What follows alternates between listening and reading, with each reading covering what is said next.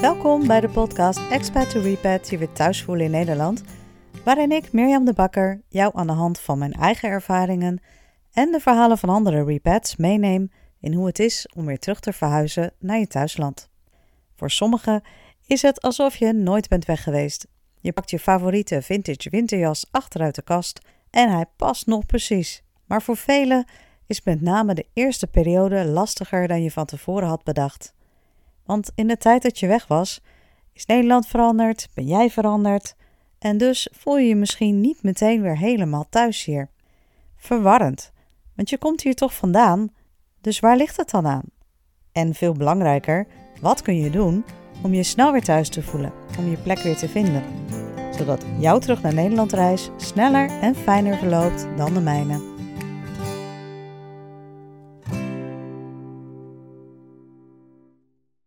Hey lieve luisteraar, welkom bij een nieuwe aflevering weer van uh, Expat to de podcast voor repats, mensen die uh, een tijd in het buitenland gewoond en gewerkt hebben en weer terug zijn naar Nederland of erover nadenken om terug te komen. Vandaag heb ik weer een hele leuke gast. Het is nu 2024, dus ik heb er weer helemaal zin in. Um, ik heb de gast Marije Beuten. En Marije die uh, heeft een tijd in Brazilië gewoond en is daar ja, op 22-jarige leeftijd volgens mij heen verhuisd. En ik vind dat heel bijzonder, want meestal is het iets wat je als kind meemaakt of iets waar je als volwassene dat je zelf een avontuur gaat. Dit is iets anders, het verhaal, dus dat vind ik leuk. Um, ze is natuurlijk inmiddels terug in Nederland um, en ze is iets compleet anders gaan doen dan wat ze eigenlijk had als, als beroep. En wat ik heel mooi vind, is dat ze dus de balans heeft weten te vinden in Nederland tussen twee hele verschillende dingen. En daar allebei op een andere manier uh, heel veel uithaalt. Dus ik hoop dat ik jullie nieuwsgierig heb gemaakt. En uh, ja, dan gaan we zo meteen lekker starten. Dus uh, Marije, van harte welkom in de podcast. Ja, dankjewel Mirjam. Leuk om er te zijn. Ja, en waar, jij zit heel mooi, hè? want ik, nou, ik zie de bomen en ik zie uh, buiten. Waar woon jij nu in Nederland? Ik woon in Roden. Dat ligt tussen Assen en Groningen in, dus in het noorden van, van Nederland. Dus dat is nog Drenthe dan? Ja, dat ja. is nog Drenthe. Is ja, Drenthe. klopt. Ja. Okay. Grappig. Ik ben daar nog nooit geweest, maar volgens mij is het heel mooi daar. Het is zeker uh, heel mooi. Ja, en ik zit nu in mijn eigen uh, praktijk. En uh, ja. Nee, het uitzicht is inderdaad over de bomen en de landerijen. Dus dat is heel mooi. Heerlijk. Nou, we gaan straks horen wat voor praktijk je hebt. Maar ik kan me voorstellen dat het fijn is dat je niet op cement en drukke snelwegen uitkijkt. Nee, nee, dat vind ik heel fijn. ja, precies. Zeg Marije, vertel. Um, vertel eens even over jezelf en vertel even kort, waarom ben je naar Brazilië gegaan? Nou, Marije Beuten, 41 jaar, kom dus uit Rode. Uh, op dit moment uh, heb ik mijn praktijk voor hypnotherapie. Um, en in 2004, uh, dus dat is al even een tijdje geleden, 20 jaar geleden, ben ik geëmigreerd naar Brazilië. Samen met mijn ouders en mijn broer. En dat was wel heel bijzonder. Ik studeerde um, nou, een paar jaar daarvoor toerisme. En mijn ouders waren toen wel bezig om misschien te emigreren naar Portugal. Uh, waren ze aan het kijken voor huizen of, of ze daar iets konden gaan doen. En toen had ik zoiets van, ja, leuk Portugal, maar ik studeer toerisme en geen idee waar ik terecht kom. Dus uh, veel plezier in Portugal en ik zie wel waar ik terecht kom. Alleen, toen moest ik twee keer vijf maanden stage lopen. En in die tussenperiode waren mijn ouders zoveel jaar getrouwd. En die gaven aan, oh, we willen wel graag met z'n vieren een keer een verre reis maken. En doordat mijn vader Portugees aan het leren was voor Portugal, wilde hij wel graag naar een uh, Portugees sprekend land. En dat werd dus Brazilië. Wow. En, uh, dus dat was uh, heel mooi. We hebben daar een rondreis gedaan, nog een week aan het strand. En we zijn toen naar Fortaleza gegaan. En we deden die rondreis. En ik weet het nog als de dag van gisteren. We zaten in uh. En dat is ja, een prachtig klein dorpje toen was er nog maar sinds een jaar elektriciteit. Uh, de, ja, de straten waren gewoon nog van zand. Ik weet nog wel dat ze in één discotheek een betonnen dansvloer hadden en de rest eromheen was weer allemaal zand. Ah, een uh, prachtige witte duin en we zaten met zonsondergang. En Bob Marley op de achtergrond, dus niet eens Braziliaanse muziek, maar zaten ja. met de cocktails. En mijn vader zegt: Nou, ik ga niet meer naar Portugal. ga naar Brazilië. Ik zei, oh, maar dan ga ik wel mee. Ja, ja dat Ja. snap ik. Ja, dus toen eh, nou, zijn we naar huis gegaan en binnen twee jaar zijn we geëmigreerd naar Natal. Dat ligt onder Fortaleza. Mijn ouders en mijn broers zijn helemaal gaan uitzoeken van, goh, waar is het nu eh, booming, zeg maar. En Natal ehm, nou ja, was echt in opkomst ook onder het toerisme. Dus mijn vader en mijn broer zijn met de eerste vlucht daarheen gegaan, hebben rondgekeken. Later nog met z'n allen nog een paar keer heen gegaan. En eh, binnen twee jaar waren we geëmigreerd. Wat mooi en wat goed ook van jouw ouders dat ze gewoon dachten, we gaan het gewoon doen. Ja, ja, heel mooi. Ja, Ja, heel bijzonder ook. Ik weet wel toen, eh, ik weet niet of ik al geboren was, volgens mij nog niet. Eh, wilde mijn vader ook graag emigreren al naar Nieuw-Zeeland. Alleen toen heeft mijn moeder het op het laatste moment, heeft ze toen afgeblazen. Oké, Ehm, het zat er al wel in. Het zat er al wel Ja. in, ja, ja, Ja. klopt. Oké, en wat ben je toen gaan doen in Brazilië? Want je was toen 22, hè? Ik was toen 22, ja. we zijn eerst met z'n allen een autoverhuurbedrijf eh, opgestart. Oké, En ehm, nou ja, ik had natuurlijk toerisme gestudeerd en we zaten met z'n vier in een bedrijf. En nou ja, s ochtends kwamen ze de auto's halen, s'avonds weer terugbrengen. En ja, ik vond het een beetje saai. Ehm, me voorstellen. ja, dus toen eh, heb ik Fly Brazil benaderd. Die zaten daar en die, eh, nou, daar heb ik voor kunnen werken eerst. En op een gegeven moment ehm, kwam TUI ook eh, naar de bestemming toe. En toen werd ik benaderd voor TUI of ik niet voor hun wilde werken. Dus toen ben ik de bestemming voor eh, gaan runnen. Oké, inmiddels sprak je ook Portugees, neem ik aan. Ja, ja we hebben daar ehm, hebben Portugese les eh, kort gehad van Barry. Dat eh, was een Nederlandse man. Die was toen volgens mij echt al wel in de tachtig, als ik het goed zeg. Oké, Ehm, nou, een hele leuke man en die heeft ons eh, eigenlijk wat geholpen met de eerste lessen.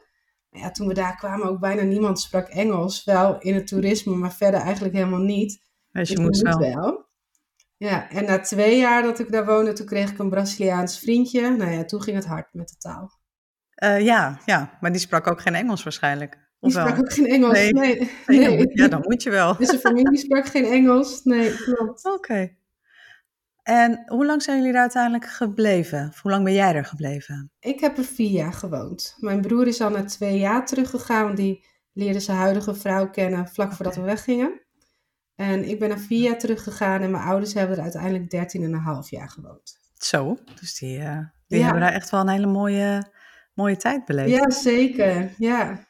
En zijn die toen teruggekomen naar Nederland of zijn ze uiteindelijk toch naar Portugal gegaan? Nee, ze zijn teruggekomen eh, naar Nederland. Ja. Dus die wonen nu in Nederland, maar we lopen allemaal wel weer een beetje met de gedachte om misschien toch weer eh, Nederland uit te gaan.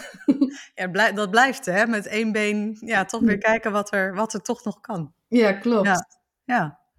Ehm, vier jaar Brazilië. Was er een specifieke reden dat je dacht, ik ga nu terug?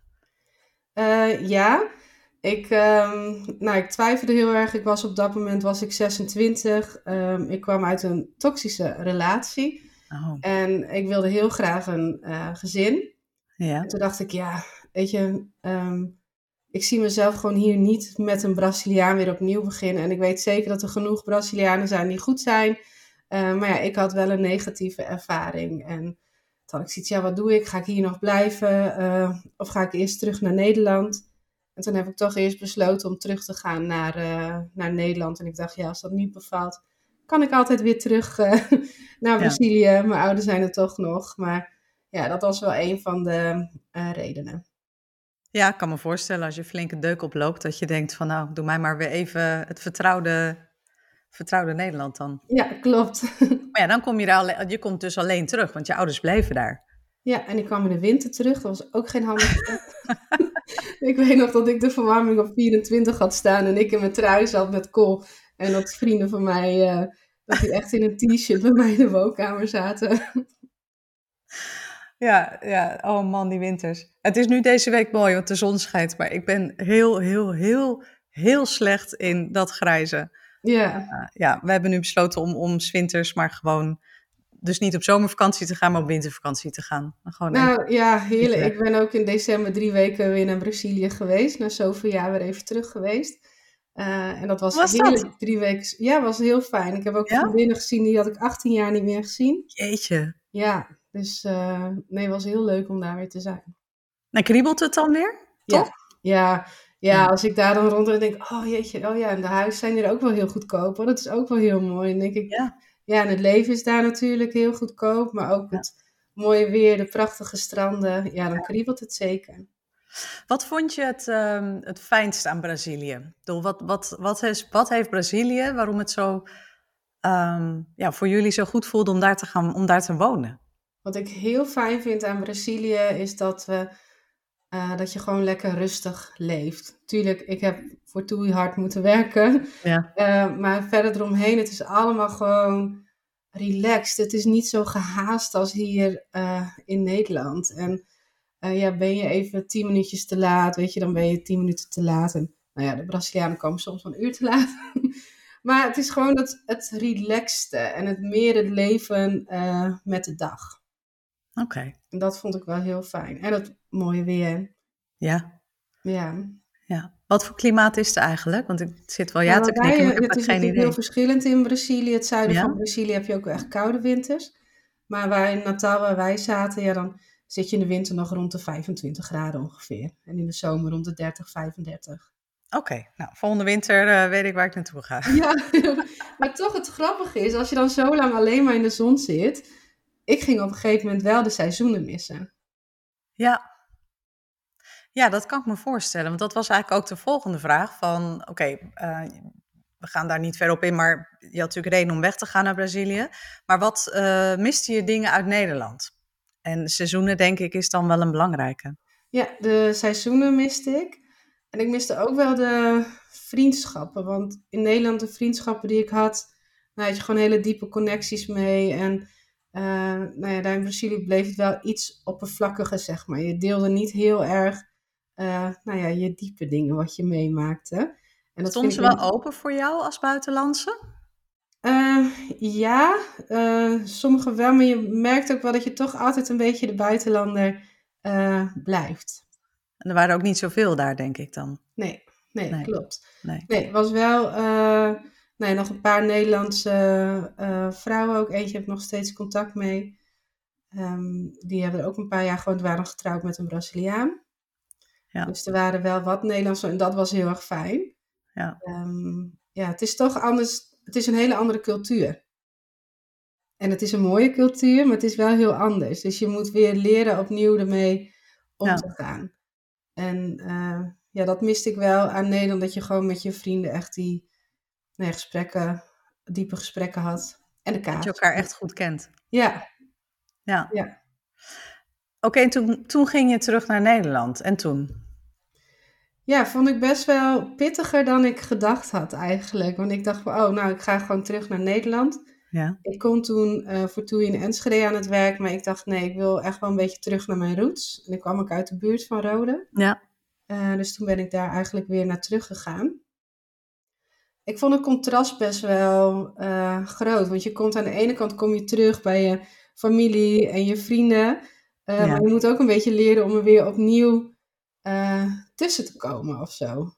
Je voelt ja, je toch een beetje soms, nou ja, een vreemde eend in de bijt. Ik ben heel slecht met spreekwoorden, maar... Had jij... Um lekker een sturende vraag dit. Maar had jij ook het gevoel dat, dat ze in die jaren zonder jou waren verder gegaan en dat je niet meer helemaal top of mind was? Dat, het, dat je echt weer een beetje je plekje moest terugveroveren? Ja, klopt. Ja, voor sommigen wel inderdaad. Hè? Dat je in het begin uh, misschien, oh, dan was er een feestje en dan, of dat je nog op het laatste moment, oh ja, je bent ook terug. Ja. um, maar ook zelf wel lastig om erin te mengen. Dus misschien zelf ook wel wat meer afstand nemen. Maar niet dat ik buitengesloten werd of zo. Want het zijn nog steeds mijn vrienden en het is nog steeds. Maar het is wel even een omschakeling, omdat ze inderdaad niet meer gewend zijn dat je er bent. Nee, dat is ook zo. En was jij veranderd, vond je zelf, door die vier jaar? Ja, ja wel uh, heel erg veranderd. Ja, ik vind dat altijd iets heel positiefs. Ik heb altijd, hoe, hoe, hoe meer je ziet van, van de buitenwereld, zeg maar, uh, hoe, hoe meer dat je innerlijk verrijkt. Maar goed, zo kijk ik er tegenaan. Uh, maar dat is wel lastig, want je komt terug en ook je vrienden verwachten ook een bepaald iemand terug. En nou verandert iedereen, hè? Ook, ook je ja, vrienden. Zeker. Um, maar daar, ja, dat kan nog wel eens um, dat kan dan wel eens lastig zijn om dan even weer elkaar te vinden daarin. Ja, Ja. ja dat valt, eh, ja, valt op zich wel mee, denk ik. Ik was wel heel veranderd. Ehm, maar ik denk dat dat nog wel paste bij, eh, Ja. bij de vriend. Zijn er dingen uit Brazilië die je meenam naar Nederland, waarvan je dacht van nou, dat heb ik daar geleerd en dat ga ik hier zo houden? Dat relaxte leven bijvoorbeeld. Nou, dat was wel de bedoeling. maar dat is in het begin eh, is dat niet, eh, niet gelukt. Ehm, ik moet zeggen, ik ben best wel uiteindelijk een beetje de weg, nou ja, weg kwijtgeraakt is een groot woord. Maar ik heb toen ik terugkwam op een gegeven moment wel in een burn-out terechtgekomen. Zelfs in een eh, depressie terechtgekomen. En dat had ook met mijn verleden te maken. Natuurlijk wat er ook in Brazilië eh, is voorgevallen met die eh, eh, relatie. Ehm, dus ja, heb ik echt dingen meegenomen uit Brazilië. Ik ben daar wel heel erg veranderd en ik merk ook wel dat ik sterker terug ben gekomen dan toen ik heen gegaan was. Veel geleerd. Maar echt Braziliaanse gewoontes of dergelijke, ja, heb ik naar mijn weten eh, Niet. niet meegenomen. Dat zou ik Nee. vrienden moeten vragen eigenlijk. Ja, misschien Ja. eh, het eh, te laat komen. Want ik was altijd stipt op tijd en dat ben Ja? ik nu ook wel weer. Maar toen ik net terug was, in, was ik misschien wat makkelijker met, met de tijd.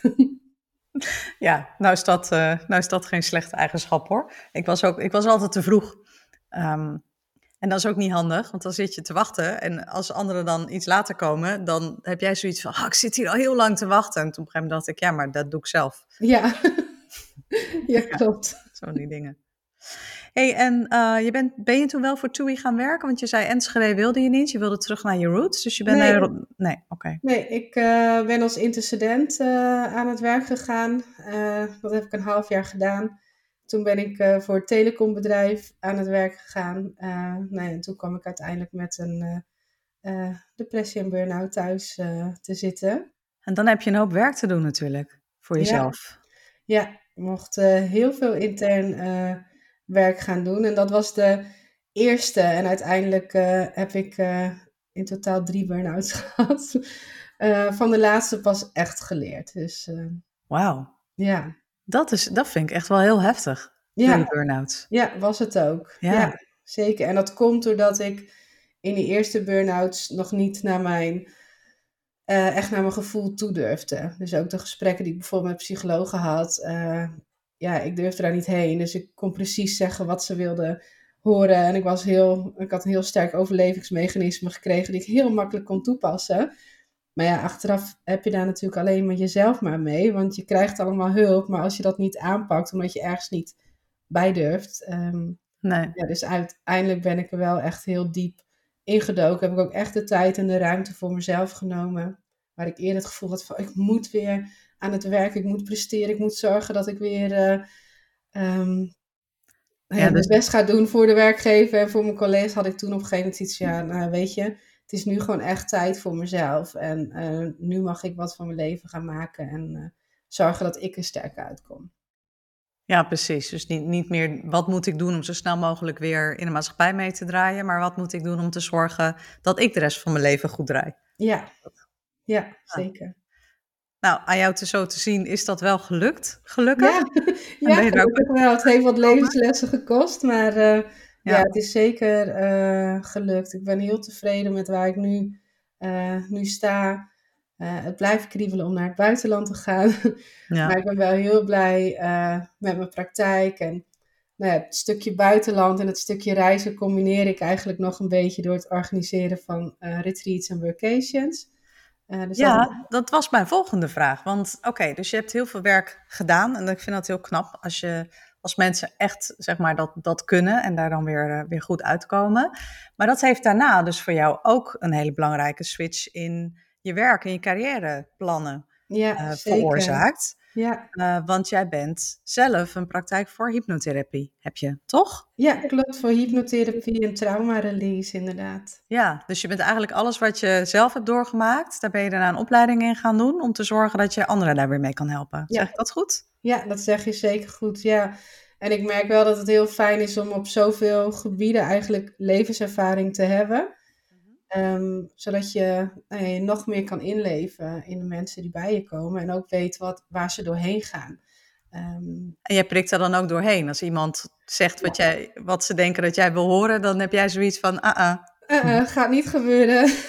nee, nee, daar prik ik wel doorheen. En ik zie dat ook direct als iemand niet bij zijn gevoel komt. En dan zie ik soms dingen gebeuren. En dan zeg ik, oké, wat gebeurde er nu? Hè? Wat kwam er in je op? Waar dacht je aan? Dus wel, um, ja, ik werk ook niet oppervlakkig. Ook al komt iemand voor stoppen met uh, roken, ik wil altijd naar die kern. Ik wil altijd, oké, maar wat zit daaronder? Hè? Of zit er stress onder? Zitten emoties onder? Um, ja. Dus het maakt niet uit waar ze voor komen. Ik wil altijd naar die kern, zodat we altijd die dieper liggende laag pakken. Ja. Um, ja, want die is gewoon nodig om die op te lossen, wil je je problemen op kunnen lossen. Ja, want anders stop je misschien met roken, maar ga je iets anders doen. Ja. Om te compenseren of te vluchten of wat het gedrag dan ook is natuurlijk uh, ja, wat klopt. je vertoont. Ja. Maar, oké, dus, dus dat doe je. Um, en ik denk, ja, ik heb zelf nooit hypnotherapie gehad, maar ik kan me wel voorstellen dat het heel belangrijk is dat je het zelf ook gehad hebt en dat je echt snapt wat het is om anderen te kunnen helpen. Dus dat vind ik wel, ja. daar hou ik altijd wel van. Ik hou niet van mensen die, die één keer gevallen zijn en dan, dan zeggen ik kan iedereen helpen opstaan. Nee. Bij jou is het wel echt, ja, maar bij jou is het gewoon echt doorleefd en geleerd uh, en opleiding en, en dan anderen kunnen helpen. Dus dat Klopt. is een compleet plaatje. Dat ja. is inderdaad wel het fijnste, want je weet hoe het is als je zelf in een situatie zit en je Ja. ondergaat de therapie. Uh, Ja. En tijdens de opleiding onderga je het natuurlijk ook, maar dat is toch anders dan wanneer je echt met een hulpvraag uh, Ja, zit. precies. Ja. Nou heel mooi. Maar zoals je, dat ja, mensen Hm? Sorry. Nou, ik merk zelf wat voor verschil het mij heeft eh, gegeven, eh, de hypnose en het traumarelease. En dat gun ik andere mensen ook gewoon. Ja. Dat je gewoon echt die rust in jezelf kan krijgen. Dat je gewoon zo mag genieten eigenlijk van wie je zelf bent. Ja, ja dat zou de, zou de wereld een heel stuk mooier maken als meer mensen naar een gevoel zouden kunnen en, en op die manier kunnen leven. Ja, Ja. zeker. Zeker. En daarnaast heb jij natuurlijk nog steeds een passie voor reizen. Nog steeds, die Eh, gaat ook nooit over, denk ik. Nee, nee. Dus wat ik wel leuk vind, is dat je naast dit, wat natuurlijk ook best een heftig vak is, kan ik me voorstellen, Ja. dat je iets anders doet, wat ik dan ook weer heel tof eh, vind. Je noemde het net al even heel kort, want je organiseert eh, business and mind retreats en workshops in Portugal. En ja, ja. toch Ja, dus Portugal. Portugees spreken blijft er een beetje in. dat Ja. is juist wel eh, fijn, want ik zit echt in een klein dorpje in eh, Portugal waar ik dan een landgoed huur. ja. Ja. dan spreken ze ook weinig Engels. Dus dat is ook wel fijn dat je dan zelf Portugees eh, spreekt weer. ja. Oké, en doe je dat, is dat een paar keer per jaar of is dat... Ja, ik ben ehm, in 2023 heb ik er twee weken in oktober gezeten. Ehm, ik ga dit jaar sowieso weer heen. En ja, volgend jaar staat het waarschijnlijk ook alweer op de, op de planning. En ik ben nu wel aan het kijken ook om misschien bijvoorbeeld in de winter een eh, Oostenrijk-editie te doen. Dus om ook buiten. Portugal eh, nog wat dingen te gaan ondernemen. Leuk, nou dus dat is succesvol dan, want anders dan blijf je dat natuurlijk niet doen. En Nee. wat, wat is dan het succes, wat is dan het mooie aan jouw retreat? Ehm, want er zijn natuurlijk heel veel soorten retreats. Zeker. En het is niet iets van een yoga retreat, hè? Dus vertel even wat jij dan biedt, wat, waarom mensen dan dat... Ja, ik bied verschillende eh, retreats. En de ene is echt de business retreat, dus de workation. Eh, dus die eh, organiseer ik echt voor ondernemers, ondernemende mensen. om echt de tijd voor jezelf te hebben en voor je eigen bedrijf. En dat merkte ik als ondernemer. Ik heb hier natuurlijk steek al mijn tijd in de cliënten en het werk wat er omheen komt. Of als je soms nieuwe dingen wil eh, op gaan zetten, is daar soms geen tijd voor. Of je hebt er even tijd voor en dan nou, je herkent het waarschijnlijk, hè? dan word je er weer uitgehaald. Eh, dus die gedachte was ook wel voor mezelf een beetje oh, maar als ik dan zelf ook eh, zoveel dagen uitga, dan kan ik ook aan mijn bedrijf werken. Ehm, dus je hebt echt de tijd om aan je bedrijf te werken. Ehm, de komende die ik heb staan is Boost Your Business and Mind.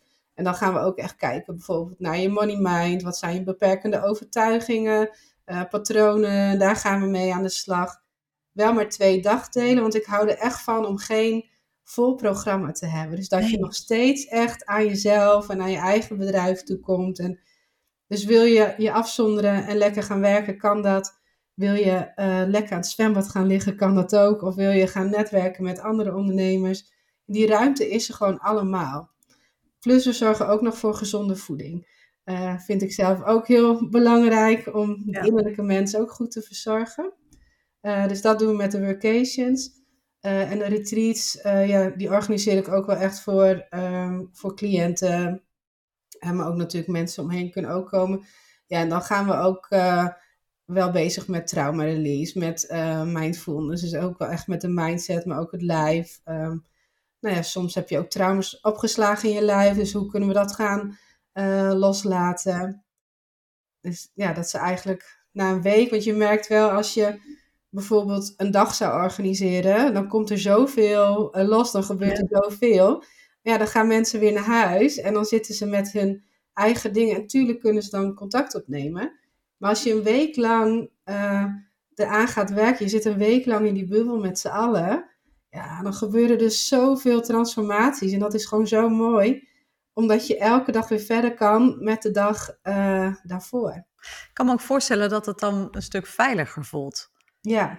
dat je weet van, oké, als er iets boven komt, uh, ik ben niet daarna alleen thuis of zo. Ik blijf hier en ik kan de volgende dag ermee verder. En um, ja, ik denk dat dat heel fijn is, dat je in zo'n bubbel zit. Nou, dat is ook heel fijn. Daarom doen we ook altijd gewoon privékamers met eigen badkamer. Want als je de kamer deelt met iemand, ja, dan zit je ook met de emoties met de ander. Of misschien komen de emoties s'avonds los en laat je toch niet zien, omdat er nog een ander uh, bij je in de kamer ligt. Dus die vinden we ook heel belangrijk. Maar ook vooral de bubbel met elkaar en voor jezelf, dat je niet thuis komt. Want als je na een dag thuis komt, ja, daar is misschien je gezin weer. Daar zijn misschien weer de kinderen die uh, op je staan te wachten en je gaat weer in die zorgmodus. Ja. uh, terwijl je misschien juist die tijd voor jezelf nodig bent.